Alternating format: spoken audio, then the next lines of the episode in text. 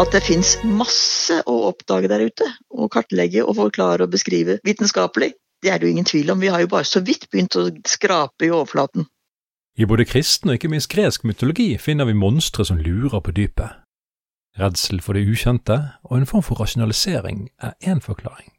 Andre forklaringer ligger i den klassiske viskeleken, og noen ganger bare en måte å holde andre fiskere unna ressursene. Ikke helt ulikt hvordan verden henger sammen i dag, altså. Jeg heter Kjetil Svendsen, og dette er Tekfisk, podkasten om teknologi og forskning i sjømatnæringen. I denne podkasten møter du Gro van der Meren, som i det daglige er forsker og fullstendig faktaorientert. Hun trives imidlertid godt med mytiske monstre, og mener at mye har samklang med moderne vitenskap. Gro van der Meren, du er forsker ved Havforskningsinstituttet. Hva består arbeidsdagen din i? Det har utviklet seg til å bli at jeg sitter foran skjermen her Gjevstål. Men eh, det har eh, gjennom de siste godt og vel 30 årene gått fra å være feltarbeider, eh, labarbeider, litt på tokt og mer og mer inn på rådgivning.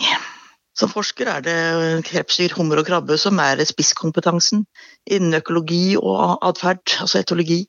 Men siden økologien som har nå vokst seg stor og viktig, for nå skal vi jo rådgi politikere og forvaltning om hvordan ha en helhetlig styring og forvaltning av våre fantastiske ressurser i havet.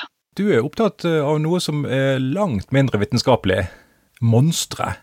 Hvor kommer denne fascinasjonen fra? Denne kom faktisk reelt gjennom forskningen, for det var en, eh, en kollega i eh, hummermiljøet som ville skrive en historisk artikkel om hummer i samfunnet, forskjellige samfunn over hele kloden gjennom alle tider. Og jeg var den eneste som hoppa på, for dette er jo ikke biologi, sa mine kolleger. Dette må jo ha en historiker til, men historikere har ikke peiling på hummer. Så jeg hoppa på, og det var den nye verden åpna seg. Det var så gøy. For der dukket ikke opp bare hummer? Når vi eh, er her i Skandinavia, så det første som dukker opp, er jo Carta Marina til Olaus Magnus fra 1536. Det er en fabelaktig eh, kart over Skandinavia, fra Island til omtrent inn i Russland. Og i havet der er det veldig mye rart. Inkludert hummer og monstre. Og gjerne begge deler på en gang. Gamle kart, områder som ikke var utforsket, de blir gjerne eh, markert med påskriften 'Her finnes monstre'. ja, nei, de var eh, Det er på de, de som er sånne kartografer og historikere, de lurer på om disse fantastiske monstrene jo lenger nord i eh, Atlanterhavet man kom. At det var et varsel til fiskere sørfra ligg unna. For dette var ikke hvite flekker på kartet, dette var viktige fiskeriressurser for uh, nordmenn.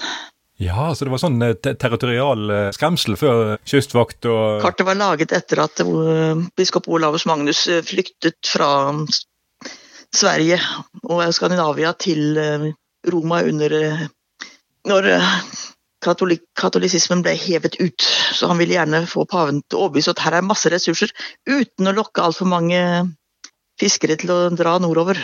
Men det han tegna inn, det, det, er jo basert på eldre myter, veldig mye av det. Kart de ble jo laget av eh, lærde mennesker og datidens vitenskapsfolk. Det stilles litt andre krav til eh, etterrettelighet til vitenskapen i dag?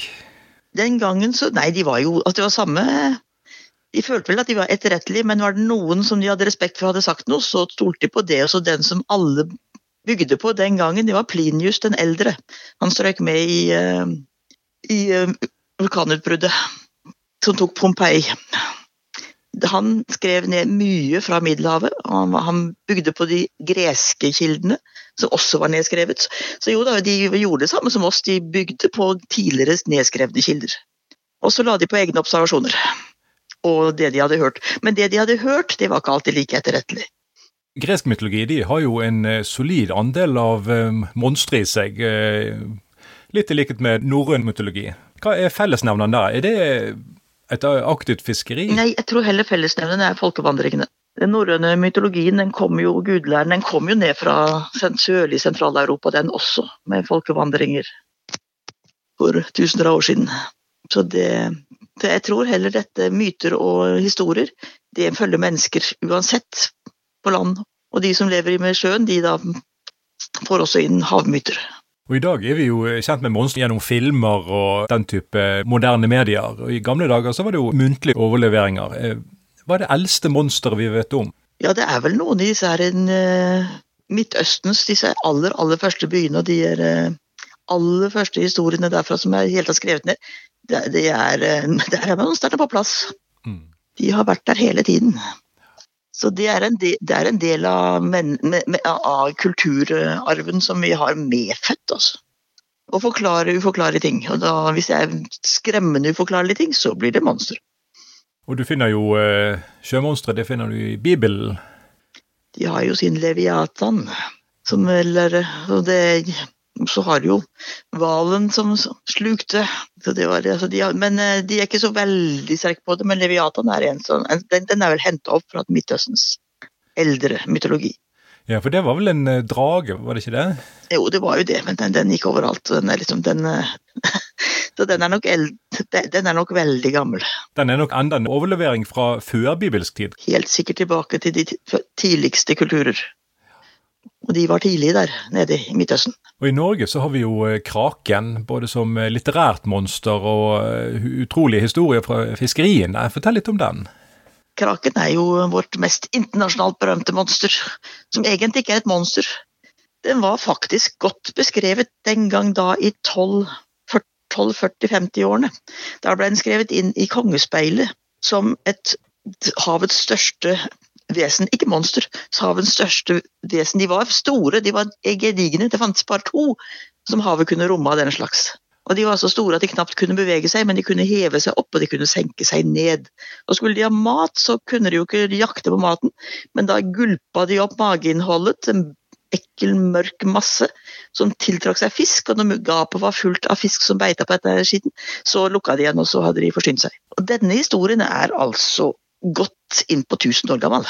Og da opplysningstidens biskop Erik på Toppidan satt i Bergen og skrev sitt voldsomme verk av Norges eh, historie, ressurser, kulturer og, og, alt mulig annet, to svære verk, så var Kraken med, for han hadde snakket med fiskere over hele kysten, fra nord til sør, og alle beskrev det akkurat det samme. Når det, havet mørkna, det lukta, og plutselig var eh, bunnen løfta seg fra store dyp til rett under båten, så lå de over kraken. Men da fikk, de, da fikk de fisk. Da var det mye fisk å få. For det var en positiv kraft? det var en positiv kraft. Men i, i, siden den var så stor, så var det en meget høy respekt for dette.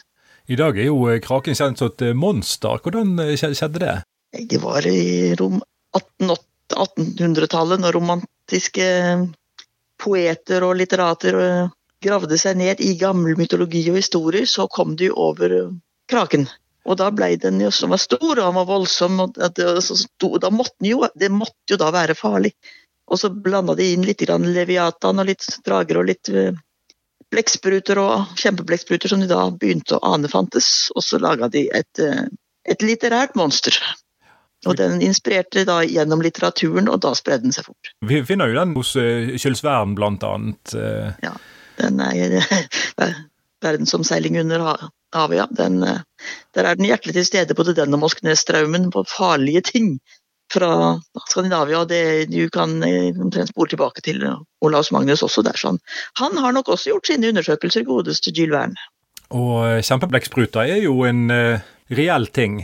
Var, at, at, de er så svære som de er, det var vel ingen, knapt noen som trodde før de nå begynte å Ja, de drev i land noen, men de var litt langt sør og langt vekk. Så kom det i de siste 150 årene, en eller annen grunn, i Trøndelag så er det tre-fire-fem stykker som har rekt på land, og som er over ti meter lange. Men de strukket, de er jo, tentaklene kan jo strekkes da. Så hvis de strekkes, så kan jo noen av de største som er funnet, gå over 20 meter, hvis en tar med alt. Og de som er nå filma, de er jo oppe i de størrelsene der, og de er jo levende livet, så er de jo uhyre vakre og enorme. Så det er et syn. I gamle sagn så har de jo trukket ned eh, svære galliaser og eh, båter til havets bunn med mann og mus. Det er vel ikke noe som er innenfor rekkevidde for eh, selv en 20 meter kjempeblekksprut? Her er det en merkelig blanding. I, jeg ser på de gamle, har bøker om gamle kart og gamle monstre og sånt, og så er havmonstrene de var slanger, ormer og drager og merkelige vesener. Men det var ikke blekksprut. Men jeg har mistanke om at Olaus Magnus sine to monsterhummer som klatrer i ryggen og slåss med havhest og spiser sjøfolk, som de tar som snacks mellom klørne. Har, den ene monsterhummeren har åtte føtter, og den andre har ti. Så jeg har mistanke om at det er satt en uh, treskjærer i Italia og som var glad i sin lille blekksprut til mat og skjønte ikke at dette kunne være monster, og så laga han en klomhummermonster istedenfor. Så det er muligens det første digre, stygge mønsteret i, uh, jeg, vet om, jeg vet om historien, det er de som er, ser ut som hummer, og som er uh, avbildet i Olaus Magnus-kartet. Men etter flere, flere, år etter det så var det monster blekksprut. Det tok litt tid for å sette seg. Før Olavs Magnus så var den tegna inn som en bille med åtte og ti bein i noen av de eldre litteraturbøkene. Men nå, nå, nå ble det jo nå, det, det, har utviklet seg rolig og pent. Og nå er det jo liksom selve havmonsteret, da. Det er jo blodtørstige blekkspruter. Hva er det som er ditt uh, favorittmonster? Nei, altså, men Den som eh, syns er uh, eldst av de alle, det er Midtgardsormen. Den kampen mellom Thor og Midtgardsormen, den er jo eventyrlig. Og Du får jo ikke større monster enn Midgardsormen? Den går rundt jorda og biter seg i halen. Det større blir det ikke. Nei. Men eh, den som, virkelig, den som virkelig har monster i norsk mytologi, det er jo draugen. Og da snakker vi om et eh, ondt varsel. Da snakker vi om ren skrekk. Jeg vet ikke hvor langt tilbake den går, men, eh, men den sitter godt fast, ja. Hvordan oppstår en sånn myte? Ut fra det jeg ser liksom når jeg som biolog og atferdsforsker ser hvor, hvorfor, hvorfor er det spørsmålet som opptar meg mer enn hva er det som skjer? Hvorfor oppstår myter? Jeg mener at eh, vi må jo ha en forklaring på alt. Det er derfor vi er så nysgjerrige. Det er derfor menneskene er drevet av nysgjerrighet. De må ha en forklaring. Og når det uforklarlige ikke kunne forklares, så lages det en forklaring. Og i tillegg, når det gjelder havmonstre, så er det også en advarsel og en opplæring til neste generasjoner at det er farer der ute. Må, det må ta varsler alvorlig, må være forsiktig. Det heter jo at man eh, alle skal ødelegge en god historie med fakta, og eh, det er jo det som dere på Havforskningsinstituttet holder på med. Vi vil jo gjerne forstå enda litt mer. Jeg tror ikke vi forsøker å, eller vi har klart å komme på noen måte si at man skal ha mindre respekt for havet. Vi tror vi bygger på at det er enda mer fantastisk enn de mest fantastiske myter skal ha det til. Ved kunnskap. Og at det fins en masse å oppdage der ute. Og kartlegge og forklare og beskrive vitenskapelig. Det er det jo ingen tvil om. Vi har jo bare så vidt begynt å skrape i overflaten, det vil si grunnvann. Og så har vi fått litt siste tiårene er det kommet teknologi som gjør at vi kan se litt mer. Rover og bedre teknologi for å sonare og ekkolodder og alt mulig er jo helt en annen verden. Men fremdeles er det bare skyggebilder vi ser av hva som er der nede. Bare glimt, bare sånn tilfeldigvis, og det er så svært havet. De store havdypene de er fremdeles uutforsket, egentlig. Vi har bare små snapshot. For vitenskapen har jo vært så langt ned som det kan komme, men eh, havet er jo enormt. Det er voldsomt stort, og vi vet jo fra det vi har sett at eh, det er ikke, livet er ikke spredt Livet er vår overalt, men det er noen sånn hotspot som har forskjellige grunner av strøm, temperatursjikt, eh, lagdeling, opphopning av mat eller energi når det gjelder de dyphavsryggene, med vulkanske dyphavsryggene, at plutselig så er det et rikt samfunn som ikke ante kunne fantes engang. Som er totalt Alt er ukjent, alt er nytt, alt er fremmed. Det er utrolig spennende, og jeg tror, det, jeg tror ikke vi kommer til å ødelegge fascinasjonen av havet ved å komme med mer kunnskap. Den kan bare øke. Og Av og til så kommer det jo eh, kadaver opp fra, fra dypet som eh, man gjerne spør seg vel og lenge hva er for noe. Hva er dette? Den får vi en del av. Nå er det jo nå er det folk overalt. Mye mer på, på sjøen enn før. Før var man der for man måtte være på sjøen, men uh, hvis man kunne unngå det, så holdt man seg unna. Det er bare to generasjoner siden. Det, så var det jo uh, gamlemor som sa at fritid på sjøen, det har man ikke. Man er ikke på sjøen, det er man for å få livberge seg. Men nå er jo folk overalt og ser mye mer, så vi får ikke de gamle, råtne kadaverne av brugder og påkjerringer og hval rekende inn og ligge og råtne lenge før det blir oppdaga. Men sån, sånne langt nedbrutte kadaver, de kan få de rareste former og, og fasonger. For først går innspekket og huden, og så går musklene, og de er jo kraftige, i trevler, og de, de blir hvitt og trevlete. Mange av de gamle sjømonstrene jeg ser i 500-600 år gamle illustrasjoner, har trevlete, hårete manker og masse trevler sånn langs med kroppen, og det er nok eh, kadaver. Du nevnte han eh, treskjæreren som satt og skulle illustrere disse monstrene. og eh, jeg vet du tidligere snakket om viskeleken. og Det er jo litt sånn der eh, du får en beskrivelse, så skal du beskrive det videre for andre. Og så går historien og utvikler seg. Det er eh, en gammel kunstform. At man hører om noe, og så spør man og graver, og så var det ikke så lett å få tak i dyret. Om det var fra indre Afrika eller de store havdyp. Og så blir det beskrevet etter beste evne, og den er ikke alltid så god, den evnen. Og så blir det gjerne beskrevet av noen som beskriver det til noen som beskriver det. Og legger til litt og trekker fra litt, og så, så blir det mye gøy. Olavus Magnus mente jo at hvalrossen den sov hengende med tennene kilt inn i fjellsprekker oppi fjellsiden. Hengende etter tennene. Han beskrev også hvordan jegerne da kunne lett gå opp og fange de der de hang. Det, hvordan, hvordan, den er kommet fram, det skjønner jeg ikke i det hele tatt, men, men det, den, den viskeleken er ganske morsom. Den. Det er gøy å lese i gamle bøkene. Dette med hvalrossen, det høres ut som det er en eh, andel av fiskeskrøner i dette også? Men nå så jeg nå på en av de dokumentarene fra hvalross i Stillehavet, nord i Stillehavet, hvor isflakene har forsvunnet og strendene eroderer. Og de klatra i fjell som eh, de skulle ikke trodd at var mulig. Problemet var at de kom seg ikke ned igjen. De, de falt jo i døden når de skulle ut igjen. Men at de kan klatre, det er faktisk mulig. Så dette må ha vært observasjoner. Men de var jo hvalross på Finnmarkskysten til godt inn i vikingtiden og kanskje i starten av middelalderen òg, for den saks skyld. Så kanskje at de ble skremt opp, ikke fikk ro på strendene, og så falt de ned og slo seg i hjel, og så er det blitt at jegerne Dette har jaktsuksess. Hva vet vi? Viskeleken. Vi er langt ute i viskeleken nå. Det finnes jo også en eh, vitenskapelig gren som heter kryptozoologi, som forsker på i anførselstegn monstre. Ja, den, den, kom jeg over når jeg holdt på med dette her. Fant, ja, ja, så jeg er ikke alene om dette, nei. Men eh, at det er en egen gren, det synes jeg var ganske artig. For Tanken er vel at det stadig oppdager store arter, og at det derfor er en sjanse for at disse reelle monstrene finnes? Det er jo også det å kunne knytte tilbake til hva var det folk egentlig beskrev i de gamle monstrene. Kan vi få realisert liksom få det til, Er det noe realistisk som ligger bak? Og det er det veldig ofte, for det er veldig lite i eventyr og myter som er helt blank fantasi. Det er noe som ligger under der. Og det er jo, jeg tror det er det som driver også den grenen der. Særlig den grenen der. Og vi vet jo at det ligger store at det er ting som er uoppdaga, det vet vi jo. For uh, stundom så uh, dukker det opp dinosaurer, fisk og andre dyr som man trodde var utryddet og utdødd for lenge siden. Og så dukker de opp på et eksotisk sted. Ja, den blåfinnefisken som plutselig bare var på et marked, ja, den, den det, nå er den litt satt på lista over truet, selvfølgelig, som alt som er spennende blir. Men eh, det kan jo være, det kan jo være, det kan jo være at den aldri har vært vanlig.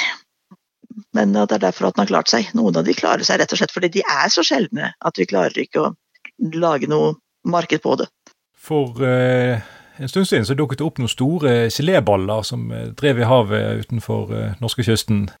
De var gøy. ja, det ble spetakkel. Det kom til og med på Nytt på Nytt. Men eh, det ble det nå med folk alle veiene i vann og over vann og rundt vann, og, og med veldig mye bedre analysemetoder, så, så ikke bare klarte vi å knytte det til blekkspruter, som vi hadde mistanke om hele veien, men eh, hvilken art det var også. Det var ikke den arten vi hoppa på, da, akkar. Det var en eh, slektning til akkaren. En litt mer sørlig art. Det fikk ikke sjanse til å bli en uh, myte, dette her? Den har jo vært ukjent, fullstendig ukjent, for det må dykkere til for å se den. Akkurat denne arten var eh, beskrevet at de larvene og eggene hadde et merkelig klissete belegg som ikke var vanlig på de fleste andre blekksprutt, larver og egg. Så de skjønte ikke helt hvorfor det, men kanskje de gjorde at de var mindre appetittlige å bli spise. For da hadde de jo tatt det i håv, og da hadde geléballen bare sprukket og løst seg opp. Og så kom det bare klissete opp. Nå vet vi jo hvorfor det var klissete. Og ja, det var for å ikke bli spist, men det var fordi de gjemte seg inn i en svær ball. Og det gjør historien bare bedre, syns jeg at vi vet det. Absolutt. Men sånne baller og blekkspruter var jo kjent fra Stillehavet. Da. De har til og med fått det til gyte i akvarier. Da blir det bare småballer. De må ha havet rundt seg for å få de store. For å lage en god myte, så må du iallfall ha litt størrelse på det. Ja, ja, ja. Og at disse dyra bare er ganske små blekkspruter, det er jo ganske morsomt. Så kan vi jo drive og spekulere på hvordan legger disse digre kjempe- og megablekksprutene Hvordan er det de legger egg? De lever som disse som legger geléballer. Og hvor svære baller kan ikke disse legge? Oho, det, er ikke, det, det skulle jeg gjerne ha sett det hvis de legger geléballer. Da kunne de antakeligvis bygd hus i de. Her kan vel det dere som er vitenskapsfolk eh, estimere størrelse? Det er ingen som har beregna akkurat, men det, det, er en, det, er nok et forhold mellom eh, kappestørrelsen, altså kroppen, og hvor lange armene er. De bruker armene, de blåser opp den ballen omtrent sånn som vi blåser såpebobler. De puster inn egg og vann. Eller puster, de blåser egg og vann inn i den gelékokongen, og den gelékongen den drar de ut mellom armene. Så jo mer større han blir, jo mer sprer de armene. Så han liksom bare, bare blåser større og større. Så det går sikkert an å regne en sånn maks størrelse på forhold til armene, men det, det er ingen som har gjort det, så jeg skal ikke våge meg på det. Men det er imponerende svært. altså. De har sett baller på opp mot to meter. Og disse dyrene er jo i kroppen, altså selve kappen, som er det som beste målet, det er jo ikke meter engang. Så et eh, dyr på 20 meter, det må jo ha en langt større kokong? Det kan jo være at et eller annet sted så er det maks størrelse for hvor store sånne kokonger kan være uten å kollapse.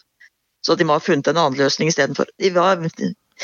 Blekksprut og snegler er bløtere begge deler. De har så mange rare måter å legge egg på at det, det finnes ikke fantasi. Selv ikke vår fantastiske fantasi klarer å rekke over hvordan de klarer å finne på å skjerme eggene sine. Etter hvert som eh, gammel mytologi blir forklart og forsvinner, så oppdages det jo eh, nye ting på havbunnen og i store verdenshavene. Kan dette gi grobunn for nye myter? Ja, det er sant å si så er vel det vi kaller, vi kaller hypoteser. Det er jo grobunn for myter i seg selv. Altså, vi lurer på kan det være sånn, eller er, dette som er, er det dette som skjer? Og Det er jo det samme som en myteskaper gjør. Vi, vi forsøker å finne på en forklaring. Og i disse tider hvor eh, kanskje kunnskap ikke alltid er det som lager høyest i en del folk, så de syns at det er i seg selv myter, så lager sine egne, så, så nei da, verden er like full av myteskaper i dag som den alltid har vært. Ja, for eh, vitenskapen har utfordringer i eh, dagens sosiale mediesamfunn? Der, der er det mye som skjer. Det er på en side nokså frustrerende, men jeg velger heller å si det at dagens mediesamfunn så har vi som forskere også sjansen til å rekke mye lenger enn vi gjorde. Vi må bare snakke samme språket og bli forstått. Men samtidig ha respekt for hva som vi faktisk vet, og være klar på hva vi ikke vet.